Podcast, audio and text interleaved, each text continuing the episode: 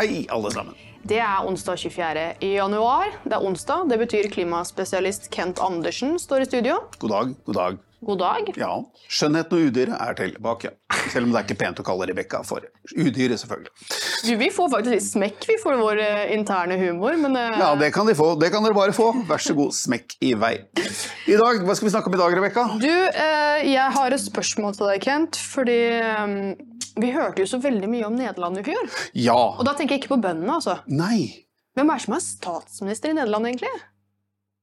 Det er Ok. eh, Det var masse i, det var masse i avisene om Gert Wilders og denne styggingen, denne fantastiske ja, høyreekstreme galningen. Og så hadde de da et valg. eh, Det var jo i 22. november hadde de et valg i Nederland. Eh, Og så viste det seg at den forferdelige høyreekstreme Gert Wilders, den onde Satan sjøl, han har altså vunnet med 24% av stemmene. Og siden ble det helt stille. Jo, for du googla ja, det gjorde jeg. ja, Og hva skjedde da? Nei, da fikk vi opp det. Da googlet jeg altså, altså Wilders prime minister eh, 2024, og, og fikk ingen svar som var skrevet i 2024. Men jeg fikk en, jeg fikk en uh, sak fra uh, Reuters, uh, som jeg har her, sånn, som sier Den var fra 2023, um, altså i november 2023, som rett og slett sier at ja, han vant med 24 stemmer, men han trenger altså 76 av 150 seter i det nederlandske parlamentet. Og da må han også lage en koalisjon, ikke sant? Og det blir nok ikke lett. Fordi Nederland er jo da preget av de samme problemene som alle andre europeiske land. og Det er en elite på venstresida som sitter og knuger seg til makta. Og de samarbeider på tvers av alle altså Dette er det samme som har skjedd i Sverige, blant annet, som holdt liksom Sverigedemokraterna ute av makta, selv om velgerne sa tydelig fra at vi vil ha et politisk skifte. Det har skjedd i Nederland nå, og, og der skjer det altså ingenting foreløpig. Vi får i hvert fall ikke høre om noe. Nei, altså Det er helt stille. Det er helt altså, det eneste vi hører, er fra Tyskland, hvor de prøver å ta fra AFD statsstøtten og helst forby dem. Så, Ja.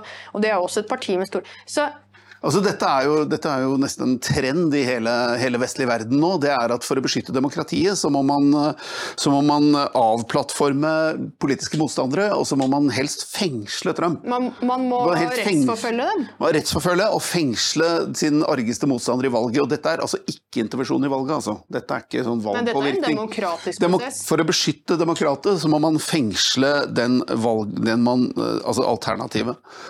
Men- så, sånn er ståa. Kent, det, folk finner seg egentlig ikke i det. Men det kan i hvert fall, det må de pent gjøre, for i Nederland så kan det altså ta måneder før det kommer en ny regjering på plass. Hvis det kommer en ny regjering. altså Belgia var jo uten regjering i over 500 dager, og aldri har landet gått bedre. Men, men hvor lang tid dette vil ta, og om Wilders blir statsminister, eh, det vil ikke jeg sette mange tusenlapper på. Jeg, jeg tror han blir utmanøvrert igjen. Eh, Det vil ikke forbause meg. Hvis det er lov, da. Vi får se, fordi, og om han ikke skulle bli det, så går det jo an å kanskje gjøre et lite tankeeksperiment, som Christian pleier å si. Altså, eh, hva med bøndene i Nederland, da? De har jo startet noe som har spredt seg til resten av eh, Europa, Kent. Ja, Bondeopprøret i Nederland det starta jo i august 2022. eh, Ja. rundt det, det var jo selvfølgelig uro før det, og så hadde jo de gule vestene. Altså det har vært mye uro. Eh, folkelig uro og opprør. uro, men Ikke nok, mye. men det har, vært, det har ulma mye med mange sånne hva skal vi si, folkelige protestbevegelser som har blitt slått ned etter hvert, både i Frankrike, Nederland, Tyskland osv. Uh, og man kjemper jo, men altså Nederland så starta bøndene sin, sin store um, protestbølge i august i 2022. Og den har egentlig vedvart hele tiden. Mm. Men problemet er at det sprer seg, og det som har blitt mye oppmerksomhet nå, det er jo Tyskland som Men har hatt nå er det også Frankrike. Frankrike har vært på ballen, og så gikk de litt tilbake. Ja. Men eh, franske bønder har altså da de siste dagene eh, protestert mot høye kostnader på lik linje med, med de tyske bøndene, fordi dette er EU-politikk, og det rammer også alle, som nevnt tidligere. Og de driver og blokkerer motorveien. ehm, og så skal vi se her Det har pågått siden 18. januar, så det har jo faktisk eh, pågått i noen dager, Kent. Og de Ja, truer nå med å blokkere hele Paris. Ja, og, og, det, og dette har jo selvfølgelig spredd seg fra Tyskland, hvor, eh, Hvor de hvor, hvor det virkelig har tatt av. Altså. Det er sprayer i offentlige bygninger med, med avføring og ekskrementer, og de blokkerer veier og de blokkerer byer. Og det, altså det bondeopprøret i, i Tyskland det er mye, mye større enn det noen norske avislesere forstår. Det, fordi det er klart det har blitt veldig tona ned av, av Det er jo en mainstream nordmann som har tatt turen ned til Tyskland. Da. Nå husker ikke jeg Er det Thomas et eller annet han heter? Som Mm. eh, jeg så på Facebook her. Han har satt seg på motorsykkelen, faktisk. Mhm. For å eh, dekke bondeopprøret i Tyskland. For det eneste måten å komme seg fram på, det er på motorsykkel. Det er på motorsykkel. Ja. Så eh, det er jo godt at noen sivile journalister tar seg bryet, da, tenker jeg. Ja. Og da er det selvfølgelig, hva er det egentlig de protesterer Altså, Denne bølgen av særlig bondeopprør, hva er det egentlig de protesterer mot? Altså, I, norsk, i norsk, norske aviser så handler det om selvfølgelig omlegginger. De, de, er, imot omlegginger i, i, i, nei, i, i, i landbruket. Men det er altså klimapolitikk. Det er klimapolitikk, kort og godt. Det er det de Eh, protesterer mot. Høye dieselpriser pga. selvfølgelig karbonavgifter. Eh, selvfølgelig denne, denne kampen mot eh, nitrogen og, og, og kunstgjødsel. Eh, og så er det selvfølgelig denne, dette nye direktivet fra EU, dette naturdirektivet med tilbakeføring av landbruksland til naturen. Altså Istedenfor at da du skal ha en åker der det var for 100, 200 år siden var det en myr der, så har det blitt en åker i 200 år som har gitt liksom Nå må det bli mat. skog. Og nå skal det bli tilbakeføres til myr eller skog. Oh, ja, ja, ja, det skal, nå skal, busk, ja, et eller annet. Så man skal liksom lage natur igjen, da. Mennesket er jo god til å lage natur. Nei, jeg er ikke det. Eh, sånn at eh, dette er jo selvfølgelig taksonomien i EU som slår inn, eh, stadig sterkere. Og, og det er jo først det er, jo- det er jo trist, fordi alle har jo alle som har satt seg inn i dette, har forstått hva det innebærer eh, for mange år siden. Eh, men først nå når eh, tingene begynner å bli presentert av regjeringer og begynner å bli gjennomført, da først begynner folk å reagere. Dette er jo akkurat som vindkraften i Norge. Altså Den var, ble jo planlagt Allerede de første, de, de første vindmøllene i Norge kom i 1998. Og, og hele tiden har man planlagt en vindkraftrevolusjon. I 2010 var dette helt åpenbart at Norge skulle få masse vindkraft. Men Oddekalv, som vi hadde på besøk her flere ganger, han, han var advart jo mot vindkraften som ville komme i Norge. Fra starten av. Men altså, det var først altså, i 2017 omtrent at, at den store norske bevegelsen kom mot vindkraft. Alle sammen vindkraft i Norge, hvor kom det fra, liksom? Så det er jo problemet, fordi man får ikke informasjon i avisen, og det er derfor folk skal lese dokument. Fordi da kan du lese om problemene mange år før du ser dem opp på fjelltopp utafor der du bor. Det er Ut av vinduet. ut av vinduet. Så Du føler ikke at du er gal, ikke sant? fordi du, du har allerede lest om fenomenene før de treffer deg som kjerringa på julekvelden. Eh, julekvelden på kjerringa, er det vel? som de gjør for mange andre. Hva, uansett hva det gjelder, om det er klimapolitikk, om det er innvandringspolitikk, massemigrasjon, eh, internasjonal politikk. altså Her får man alt. Men Kent, det er interessant her, for det står 20% av gårdsbrukene i Frankrike, altså mer enn 100 000 i antall, ble nedlagt mellom 2010 og 2020. Det gjorde det, eh, og grunnen til det er ikke egentlig, eh, det er ikke egentlig klimapolitikken. Mye av grunnen til det, det er at det er veldig mange unge mennesker som ikke vil drive gårdsbruk. Nei, men Hvorfor vil de ikke det, da? Altså, det kan jeg på en måte forstå. Eh, Vi har jo samme problemet her i Norge, hvor man kan velge mellom å drikke caffè latte i et regjeringskontor og være statsviter, Etter å ha klippet og limt masteroppgaven din? etter å ha klippet litt masteroppgaven din, eller du skal være bundet til resten av livet til å drive en gård og spa møkk. Og det er klart at eh, For noen unge så fremstår liksom det bylivet og det urbane livet kanskje mer fristende. Gi meg en gård ordentlig betalt, så skal Jeg er jeg er ikke så sikker på det, men, men, men det er nå engang sånn det er. Det er altså, og, og, og landbruket, uh, som jeg pleier å si, er jo det, det viktigste industrien som vestlige land har igjen. Altså, I 30 år, nesten 40 år, så har jo EU og hele Europa blitt avindustrialisert av venstresiden, av Arbeiderpartiet. Som nå skal reindustrialisere det med grønn industri. Og det er klart at det eneste man virkelig har igjen, det er jo kanskje den viktigste industrien som ikke kan flyttes, og det er selvfølgelig da landbruket. No, no, no. Si nå ikke det, Kent. For det dukker nå opp larve- og insektgreier. og eh, fabrikker for syntetisk kjøtt. Hva skal vi med landbruk, liksom? Har, gleder ikke du deg til sirisburgeren din? Nei, altså dette er, jo, dette er jo morsomt, fordi vi hadde jo kornkammer i Norge. Vi hadde jo et kornlager for ett år i Norge med disse svære kornsiloene, og der hadde vi korn, kornbruk for over et år. Men det la man med, fordi som, som Erna Solberg treffende sa det, ja, korn er til salgs. Eh, Ja, det er det når det er overskudd av korn, men hvis det ikke er det, da? Var det ikke hun som sa at vi bare kunne leve av fisk? Jo, det sa hun også. Jeg tror, jeg tror det. Ja, det skal jeg ikke love, men, men, Erna men altså, dette er jo den derre Dette dette er jo um, Her går vi til kjernen av globalismens problem. Fordi man tenker at ja, men vi har ikke noe vits i at vi skal produsere noe eller lage noe eller, eller ha på selv, fordi man kan jo alltid bare kjøpe det fra utlandet. Og det er sant så lenge utlandet har et overskudd. Men hvis de ikke har det, da? Hva, hva skjer da? Hvis de er nødt til å beholde ting for sitt eget land, hva gjør du da, da? Det er det ingen som tenker på. Da spiser du, da spiser du fisk. Da spiser du Ja. fisk. Det må Ja, bare sendes så, til Kina først. Men så, så, så, og det betyr jo i og for seg at siden det blir færre gårdsbruk, så blir jo de gårdsbrukene som er igjen, de blir jo bare viktigere og viktigere. Men det er ikke sånn politikerne fremstiller det. nei. Nei! Nei. Nei. De skal straffes. De skal straffes, og så skal det, skal det legges ned enda mer. Er altså landbruk i, i, i EUs taksonomi, eh, altså denne Klimaplan 2030, som er altså Agenda 2030, så er landbruk og, og gårdsdrift og bygging av Altså lag, produksjon av mat, det er et problem, og ikke egentlig en god ting eller en løsning. Det er et problem som må løses. Og det sier jo litt om hvor fantastisk farlig denne politikken er. Um, så, eh, men eh, vi ser jo nå at, eh, at både i Tyskland og Frankrike så, og Nederland også, så skjelver jo politikerne noe om det. Fordi Men, men, men Kent, ja, det skal være EU-valg.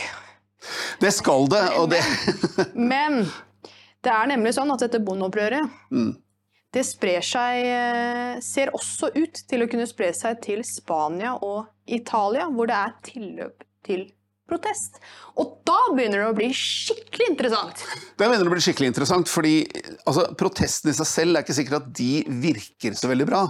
eh, og gjør at politikerne snur om. Det eneste som kan få politikere til å snu politikken sin, det er at hvis de er redd for å miste taburetten sin og makta si og pengene sine.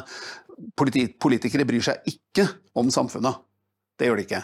De fører en politikk som er til beste for dem. Og hvis det blir så mye bråk og, og, og tumulter at det er fare for at de ikke blir gjenvalgt, da endrer de politikk. Først da, ikke før.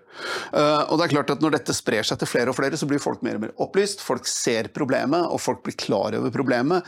Og det vil jo selvfølgelig da eh, skremme politikerne etter hvert. Men vi har jo sett hvordan dette har fungert, for du nevnte jo vindkraftmotstanden i Norge. Mhm. Altså Den motstanden mot vindkraft i Norge har jo faktisk satt en stopper for en eh, del utbygging. Det satte en stopper for eh, og, og utbyggingen. Det gjorde det. Er all ære til den folkelige opprøret. Vi var jo, vi var jo på Haramsøya og, og så det live. Eh, og det førte jo til at Erna Solberg, som hadde vært veldig for vindkraft og hadde løpt vindkraftnæringens eh, ærend, hun satte jo stopp for, eh, for konsesjonene i 2019. Mm. Så satte hun stopp og sa nei, dette går ikke, vi må se mer på dette konsesjonssystemet, nå setter vi en stopp. Eh, Og den vedvarte jo til 2021, da, da Støre kom. eh, Og det første Støre gjorde, det Var å åpne åp- åpne opp for nye vindkraftkonsesjoner. Og nå sier han mer av alt, fortere, og det betyr også landvind. Og det betyr også at vi må begynne å protestere igjen. Og denne havvinden, Ja. det funker ikke så godt. Det er, folk vil ikke lenger altså, det, har vært, det, har, det har gått litt ad undas med denne vindene. Ja, altså Det går ikke så bra i det hele tatt, det Nei. gjør ikke det. Men det er klart at eh, da, da vindkraftindustrien, som er en internasjonal og ganske, ganske med, altså Det er en internasjonal industri med veldig frynsete rykte, og den har ingenting med, med fornybart å gjøre. Eh, disse maskinene, de, disse vindkraftmaskinene er absolutt ikke fornybare. Men det er klart at dette er en internasjonal uh, industri eh, med frynsete rykte for korrupsjon og, og snusk og fanteri. Eh, og de, eh, når de så at de ikke lenger kunne fritt forsyne seg av norske naturområder, hva gjorde de da? Jo, da gikk de til Stortinget med lobbyisten og sa ja, men hva om vi flytter alle møllene ut på havet? Der er det jo ikke noe natur. Nei, for det er jo ikke noe natur i havet. Nei, og, og, og gjett hvem som fant ut at det var en kjempegod idé. Eh, det var det, det, var det Jonas Gahr Støre som gjorde. Så han er jo i prinsippet en, en lobbyist og en advokat og, og, en, og en aktivist for vindkraftnæringen. Uh, og jeg har jo flere ganger lurt på gjør han det helt gratis, eller får han betalt under bordet for det?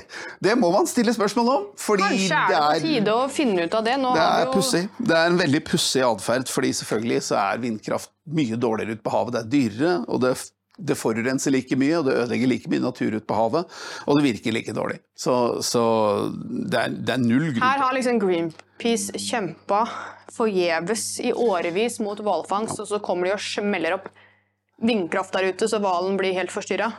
Hval blir forstyrra, fisk blir forstyrra, og så ser det selvfølgelig helt jævlig ut. Og så, og så altså er det selvfølgelig langt mer kostbart å vedlikeholde vindmøller. Og de, treng, de trenger veldig rundt 24,6% eller under 30 Og selvfølgelig så, så, så, så, er jo belastningen på havet mye mye større. Nå ser vi, vi fikk jo rapport nå om at, om at den første ha, flytende havvindparken utenfor Skottland, Hywind Skottland, der er altså fem møller etter bare fem års drift blitt taua hele veien til Norge for ut, utstrakt vedlikehold. Som betyr i praksis å plukke dem fra hverandre og sette dem sammen igjen. Um, og så skal de taues tilbake igjen, og dette er altså etter bare fem, det er fem års drift. Og dette er altså skal bli Norges nye olje. Så kan, jeg lurer på hvor mye CO2 som de slapp ut ja, på tauet dit til Norge og tilbake igjen. Kanskje vi skal ringe Skottland og høre? Nei, jeg tror det var i hvert fall mer enn det de vindmøllene noensinne sparer inn. Men liksom, det, det, er jo ingen som har noen forutsetning altså, Eller noe forutsetning har man jo for å finne ut, eller vite at si, vindkraft er helt meningsløst, men det er ikke det jeg mener. Men eh, regjeringen vår har jo, eller politikerne våre generelt sett og de foresittende regjeringene, altså alle som, som driver dette grønne skiftet, de har jo ikke akkurat har de har de, har de sett seg liksom Har de sett på hva slags konsekvens dette Nei, nei altså, altså de, de, de, de, gjør ikke det. De bryr seg ikke om altså, altså, Dette er akkurat det samme som skjedde med DAB, eh, radio i Norge. Når de innførte DAB-radio i Norge, så kom det altså en DAB-selger og sa hei, er du politiker? Ja, du er politiker. Og så sa han kjøp DAB, det bør du gjøre, for det er digitalt, og det er veldig bra. Og så sa politikerne ok, Altså Når en selger kommer til deg og sier at noe er bra, så betyr ikke det at det er sant. Okay? Reklame, dette, reklame er ikke det samme som fakta. Det er det ikke. Og det er klart at vindkraftnæringen den kommer bare med reklame. Det, det er ikke noe fakta i det de sier. De vil selge et produkt. Og de vil ha penger for det av den norske staten. Og, staten, og det er klart. Men hvis man ser på resultatene, så kan vi jo titte litt på England. Vi kan gå til England og, og, og kraftimporten i England. Ja. ja. Storbritannia med kraftunderskudd på rekord i kraftimport i 2023. Dette er litt morsomt fordi eh, norske aviser, mainstream-media, våre konkurrenter, de fremstiller dette som en, som en eh, hva skal vi si, litt positiv nyhet. Hvordan i all verden er det en positiv Jo, du skjønner det. At det viser at systemet virker. fordi man har man altså bygd kraftkabler fra Norge over systemet til England. Systemet virker når England går i underskudd? Nei, det er ikke det som er poenget. Altså nå, Det viser at disse kraftoverføringskablene de er et gode gode fordi det altså skaper energisikkerhet. Okay? Hvordan skaper det, et underskudd sikkerhet, Ken? Ja, det er fordi det, det, er det de aldri sier, og det er det altså, vi påpeker her, og jeg påpeker. at uh, Unnskyld meg, men Unnskyld meg, men når, når de har underskudd, og vi har underskudd i våre ja. magasin, ja. hva da? Altså, det, er, det er jo det denne artikkelen handler om. Skal vi alle løpe ut i havet og stå sånn her, da? For å få de vindturbinene til å gå rundt? Mainstream media de sier altså at, de, de sier at dette er, dette er, de har importert kraft, men det, det, det i virkeligheten er, det er jo at det viser altså at Storbritannia nå, altså hele Storbritannia, har 12% kraftimport. Men det betyr at de har 12% kraftunderskudd. Fordi de må få kraften fra naboland. Og Frankrike gnir seg i hendene, for mye av dette kommer jo fra atomkraft i, i Frankrike. Um, og, og det man glemmer å nevne, det er jo at England hadde jo, eller Storbritannia hadde jo full kraftdekning i 2015. De hadde ikke noe behov for noe kraftimport. Nei, hvor, hvor, kommer denne behovet for kraftimport fra? da? Ja, Det kommer selvfølgelig av at man bygger vindmøller. Ja. Eh, og, altså, og, og, nå skal jeg forklare dette veldig veldig enkelt. Hvis du tar en, altså en kullkraftverk, det er altså et 100% kraftverk som leverer strøm liksom 100 av tida. Eh, med, eh, Stabilitet. I balans, stabilitet. 100, ja. 100 kraftverk. Og så tar du og legger ned det, og så bygger du et ustabilt 30% kraftverk. 24% kraftverk. Ja, eventuelt det. Og alle skjønner da at det skaper Når du bytter ut 100% med 30% da skaper det kraftmangel.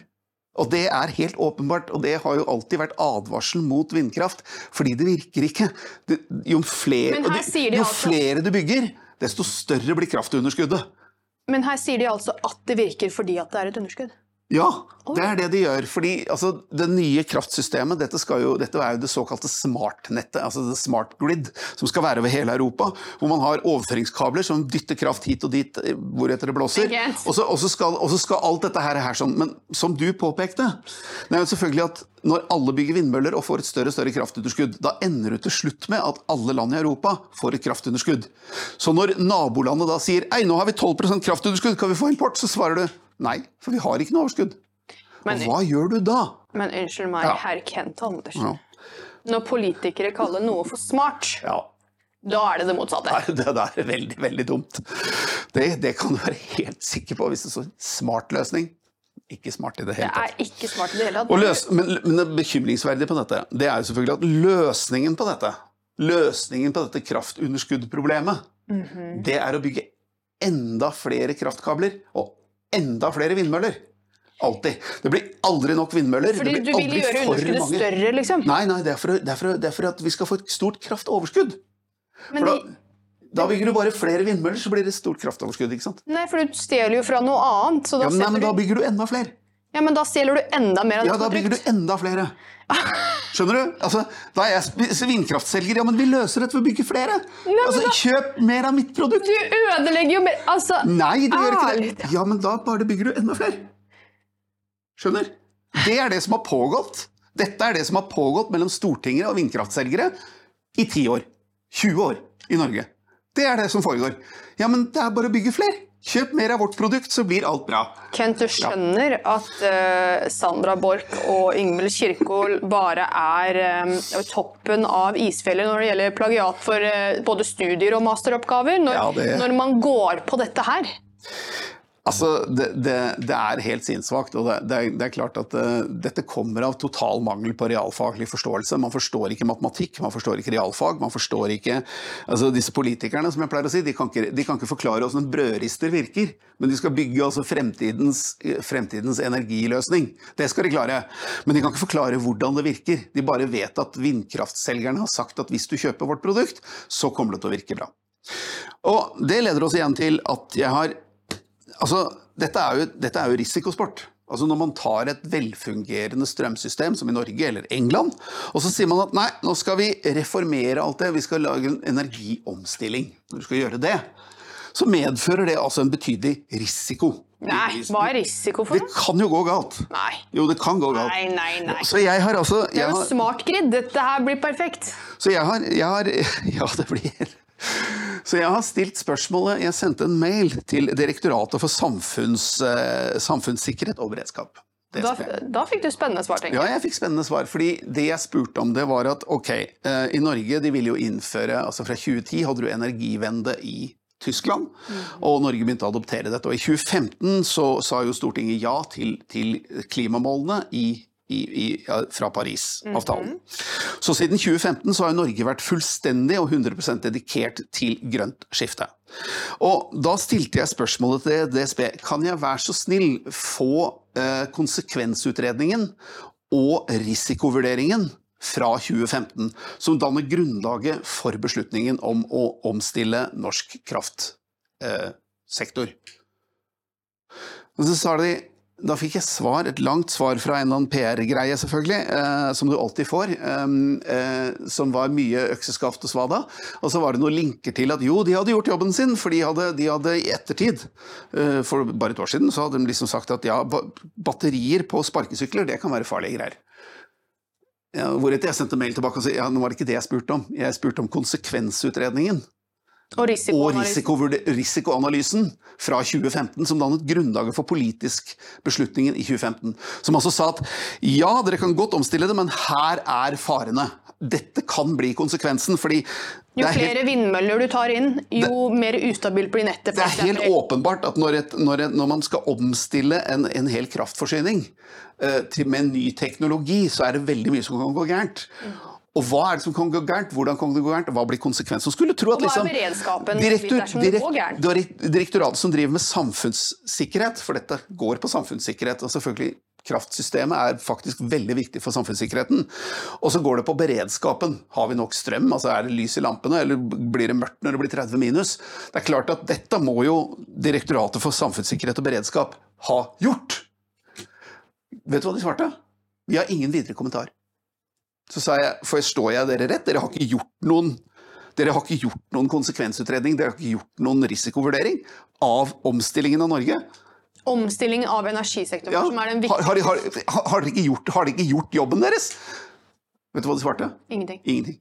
Fikk ikke svar. Pressen får ikke svar fra det offentlige. Så eh, denne saken skal vi gå videre med, og eh, vi skal kanskje snakke litt med folk på Stortinget og spørre om de er klar over det som foregår. Og så skal vi skrive en artikkel om det etter hvert. Selvfølgelig. Også det, det her krever jo tid og arbeid. Eh, Ja. Og så har vi, jo, vi har jo flere prosjekter på gang, Kent. Det har vi også. Derfor så vil jeg bare benytte denne muligheten istedenfor å sende en reklame. Bedre vippse til 638941 eller tegne et abonnent, bli abonnent, tegne et abonnement. Ja. Eh, fordi eh, vi gjør faktisk viktig arbeid her i går. Og vi gjør veldig viktig arbeid. Og det verste er at det tar fryktelig mye tid, og vi trenger, vi trenger egentlig flere folk. Men det er klart at skal man vet ha at det er flere flere der som venter på at jeg skal ringe. Eh, fordi jeg har en hel liste. Jeg Du trenger assistent, jeg trenger assistent, Jeg jeg trenger trenger gravere. Vi trenger, og det har vi ikke penger til. Så, så vi trenger VIPs, og vi trenger hjelp av dere. Og det beste folk kan gjøre, det er å abonnere. Yes. Det er, det er veldig, veldig nyttig. Tusen takk skal Og dere ha. takk for det. Men Kent, Ja, For da går vi videre altså med denne saken fra Direktoratet for samfunnssikkerhet og beredskap, som ikke bryr seg om samfunnssikkerhet eller, eller beredskap. beredskap. Mm. Det er spennende.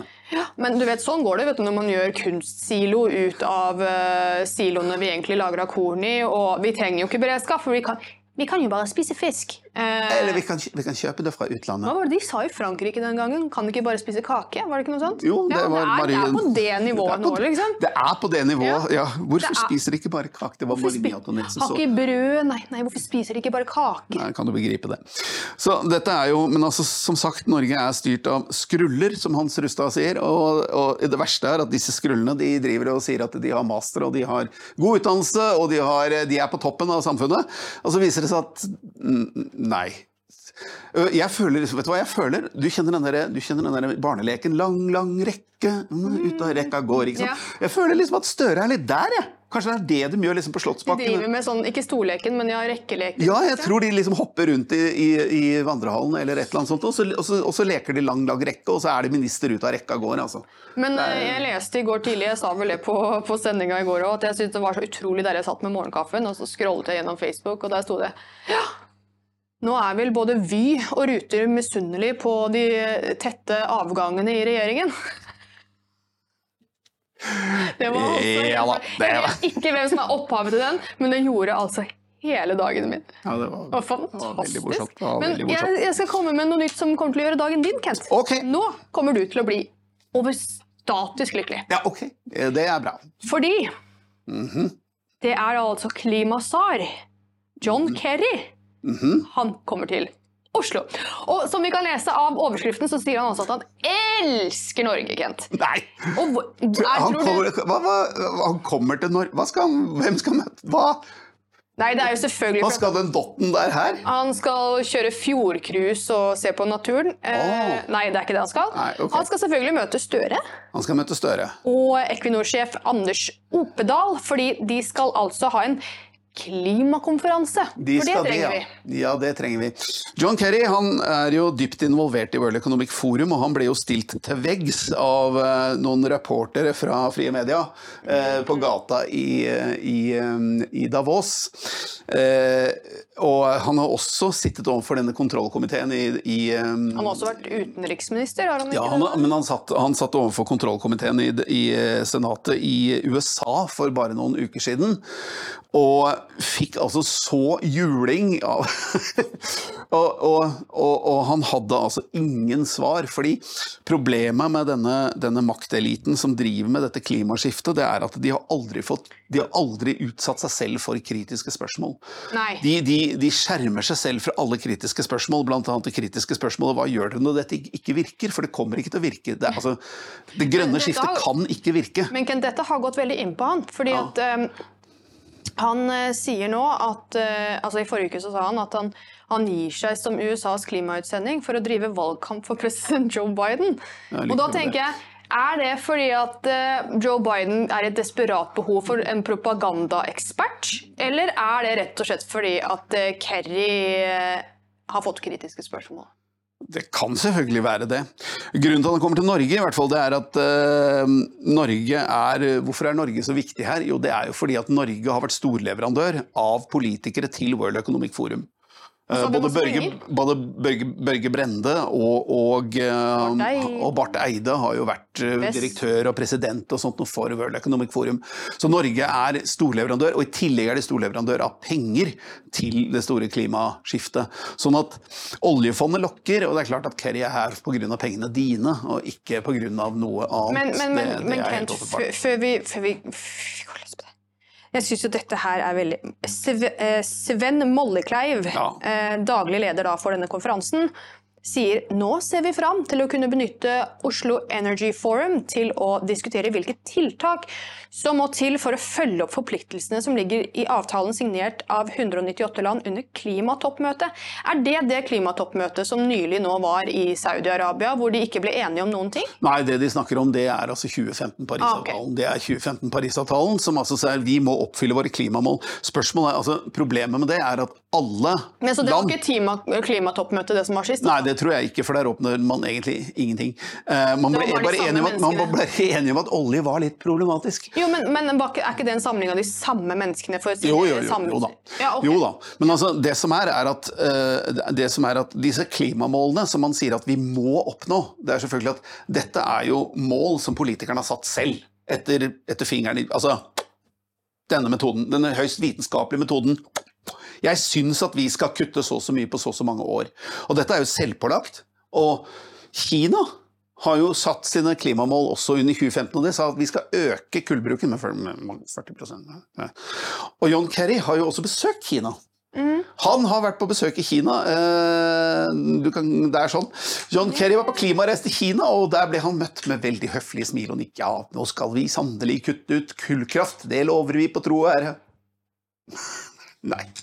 Ain't gonna happen. Men du trenger bare, du trenger bare invitere til eh, altså, eh, Du trenger bare invitere til eh, en eller annen form for årsdag i, i, i forhold til klima, så kommer han. fordi Kerry besøkte Oslo i mai 2022 for å feire 50-årsdagen til Klima- og miljødepartementet. Altså, Har du hørt noe så, så pompøst og fjåsete? Det som først og fremst er viktig for John Kerry, det er å sitte på privatfly eller sitte på reise og nyte alle godene og tjene alle pengene på dette og bli storkar og internasjonal, men altså, mannen bidrar jo ikke til noe som helst. Det er jo, han, er, Nei, han er en vattnisse. Men da møtte jo vattnisse vattnisse her i Norge, så dette ble jo en interessant vattnissemøte. Det var eh, fint. Så, og vi vet hva de ble enige om, og dere bruker mer av dine penger på det store grønne skiftet, for dette må skje. Problemet er igjen at det kan ikke skje, fordi det er ikke gjennomførbart. Det vil ikke fungere. Så før eller siden vil denne bobla kollapse. Yeah. Så vi jo har skrevet mye om i mange, mange år. Du har skrevet mye om dette, Kent. Du har til og med skrevet to bøker om Ja. klimapropaganda, klimapropaganda, du. Jeg har det, eh, og det som, eh, øker, det som blir økende interessant for meg nå, det er å skrive om økonomien i dette. eh, Fordi det er klart at dette, vil, dette er i ferd med å ødelegge vestlig økonomi. Så, og, og, og det er jo også penger som driver det. Fordi det er jo ikke altså, Vindkraft altså, altså det er Fornybart og, og Haga og disse vindkraftorganisasjonene som, og alle disse klimaorganisasjonene som, som, som lever av klimapolitikken, de er, jo ikke, de, de, de er jo ikke Det de først og fremst er interessert i, er å beholde jobben sin.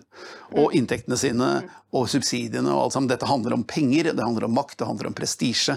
Og resultatet så langt er jo begredelig. De har jo ikke fått til noen ting. Altså, nå har vi drevet og kutta CO2 i, i, i, i hvert fall siden 2010, og energivende, og, og resultatet er jo økt bruk av kull i, verden, og enormt store økninger i CO2-utslipp. Så hele, hele, hele, hele saken er jo meningsløs. Vi kan jo egentlig bare si det sånn, da. Beredskap, Samfunns- og ferdsels- og beredskapsdepartementet og Riksrevisjonen og alle dere som sitter der hjemme og spionerer på Dokk-TV fordi dere ikke klarer å la være. Vi vet det. Vi ser dere. Vi ser dere. Eh, Kent kommer ikke til å stoppe, vet du. Nei. Til slutt så må dere gi svar, eller rett og slett bli hengt ut Ja, altså, eh, vi, for det dere altså, vi, vi, mangler. vi fortsetter å spørre politikerne, altså, akkurat som dette fenomenet når vi stilte spørsmål til Finansdepartementet. Hva vil det grønne skiftet koste? Så finnes det ingenting. Altså, altså, hva, har dere et anslag over hva det vil koste i 2030 eller 2050? Og etter, etter sånn 10-12 mail uh, med god dag mann økseskaft fra PR-muren, så, så kom de rett og slett til konklusjonen at dette gidder vi ikke diskutere mer. Hvoretter vi bare konkluderte at vet du hva, det finnes altså ingen kostnadsoverslag. Og det kan med andre ord koste så mye det bare vil. Eh, og det er jo veldig bra for vindkraftindustrien og solkraftselgerne. Og Men ikke for de gamle og- og menneskene man aldri har en milliard til. Nei, kraftkabelselgerne de får jo sitt, og alle entreprenørene som skal bygge all denne skiten, de får jo sitt, og alle får penger. Men problemet er jo selvfølgelig at dette suger penger ut av velferdssamfunnet, og da blir det ikke noe til overs til deg. Sånn at, og da blir det økte avgifter, det blir økte skatter osv. Og, så videre, og, og så, så, så det er økonomi, og så er det selvfølgelig også dette her med, med, med risikovurdering. Fordi jo mer jeg leser offentlige papirer, og jeg har en sånn merkelig interesse av å lese norsk offentlig utredning av 1998 og sitte og lese sånne ting, og det er jo kanskje litt merkelig. Um, uh, men det som er fraværende i alle disse papirene, bl.a. det store Klimaplan 2030 fra Erna Solberg, det er at den er på 200 sider, og den inneholder ikke ett eneste ord om risikovurdering. Ingenting. Hva er risikoen? Det står ingenting om det. Du har ikke tenkt på det engang. Som om det ikke var noe risiko. Mm. Og det er ganske skummelt når du tenker på at hele samfunnet skal endres og lages et nytt samfunn. Og ikke bare det, men det skal gjøres med hastverk. Det er ikke risikabelt. Nei, nei. nei. Så det er det vi står overfor, og det er derfor det er så viktig at noen tør å snakke om det og tør å si det, og folk orker å følge med på det. Så ja. Sånn er det. Sånn er det. John Kerry, velkommen til Norge. Du har nok mye å bidra med. Ja, ja, men det er egentlig mest for å menge seg med Jonas Gahr Støre, sånn at de kan sole seg i det de tror er glansen til hverandre. Men Dette er en, dette er, dette er en lukket losje. Dette er, Ja. dette er et adelskap, internasjonalt adelskap som simpelthen bare er, har så mye makt og penger og prestisje. at de rett og slett- rett og slett. Det bare ødelegger. Det bare Det gjør det, men altså, de er helt utouchables, fordi de sitter med makta, og de har fått den gjennom velgerne. Si ikke det. Hvis nå Italia og Spania slenger seg på, kanskje Norge også, hint, hint, kjære bønder, Ja. så kanskje vi kan få en slutt på dette. Men det vet vi ikke før det skjer, Kent. Nei, vi gjør ikke Vi kan jo eh, ikke spå, vi kan ikke spå framtiden. Vi er ikke som politikerne. Vi, vi ser faktisk på tall og fakta og sånn. Det Det vi. Men det vi kan spå, det vi kan si helt sikkert, det er at eh, klimaskiftet, altså det grønne skiftet og klimapolitikken, den, den vil kollapse. Det vil den. Eh, Det er helt uunngåelig, for dette er altså en økonomisk bobleøkonomi. På, basert på offentlige penger, og den vil sprekke til slutt. Fordi det man prøver å få til, det er å få en gris til å fly. Og i prinsippet kaster de alle, disse politikerne kaster grisen opp i lufta og sier se den flyr, men den gjør altså ikke det. Dette er ikke fysisk, økonomisk eller teknologisk mulig å erstatte hydrokarboner med strøm fra vind og sol. Det er rett og slett umulig. Det har aldri vært mulig. Så, så før eller siden så, så, så, sprekker jo dette. Men når? Aner ikke. Ta med deg det inn i eh, te, kve, altså te, kveldens tekopp. Ja. Snakk med naboen, og ikke glem å dele og like sendingen vår. Mm. Kent, da takker vi for i kveld. Det gjør vi. Takk for i kveld. Takk.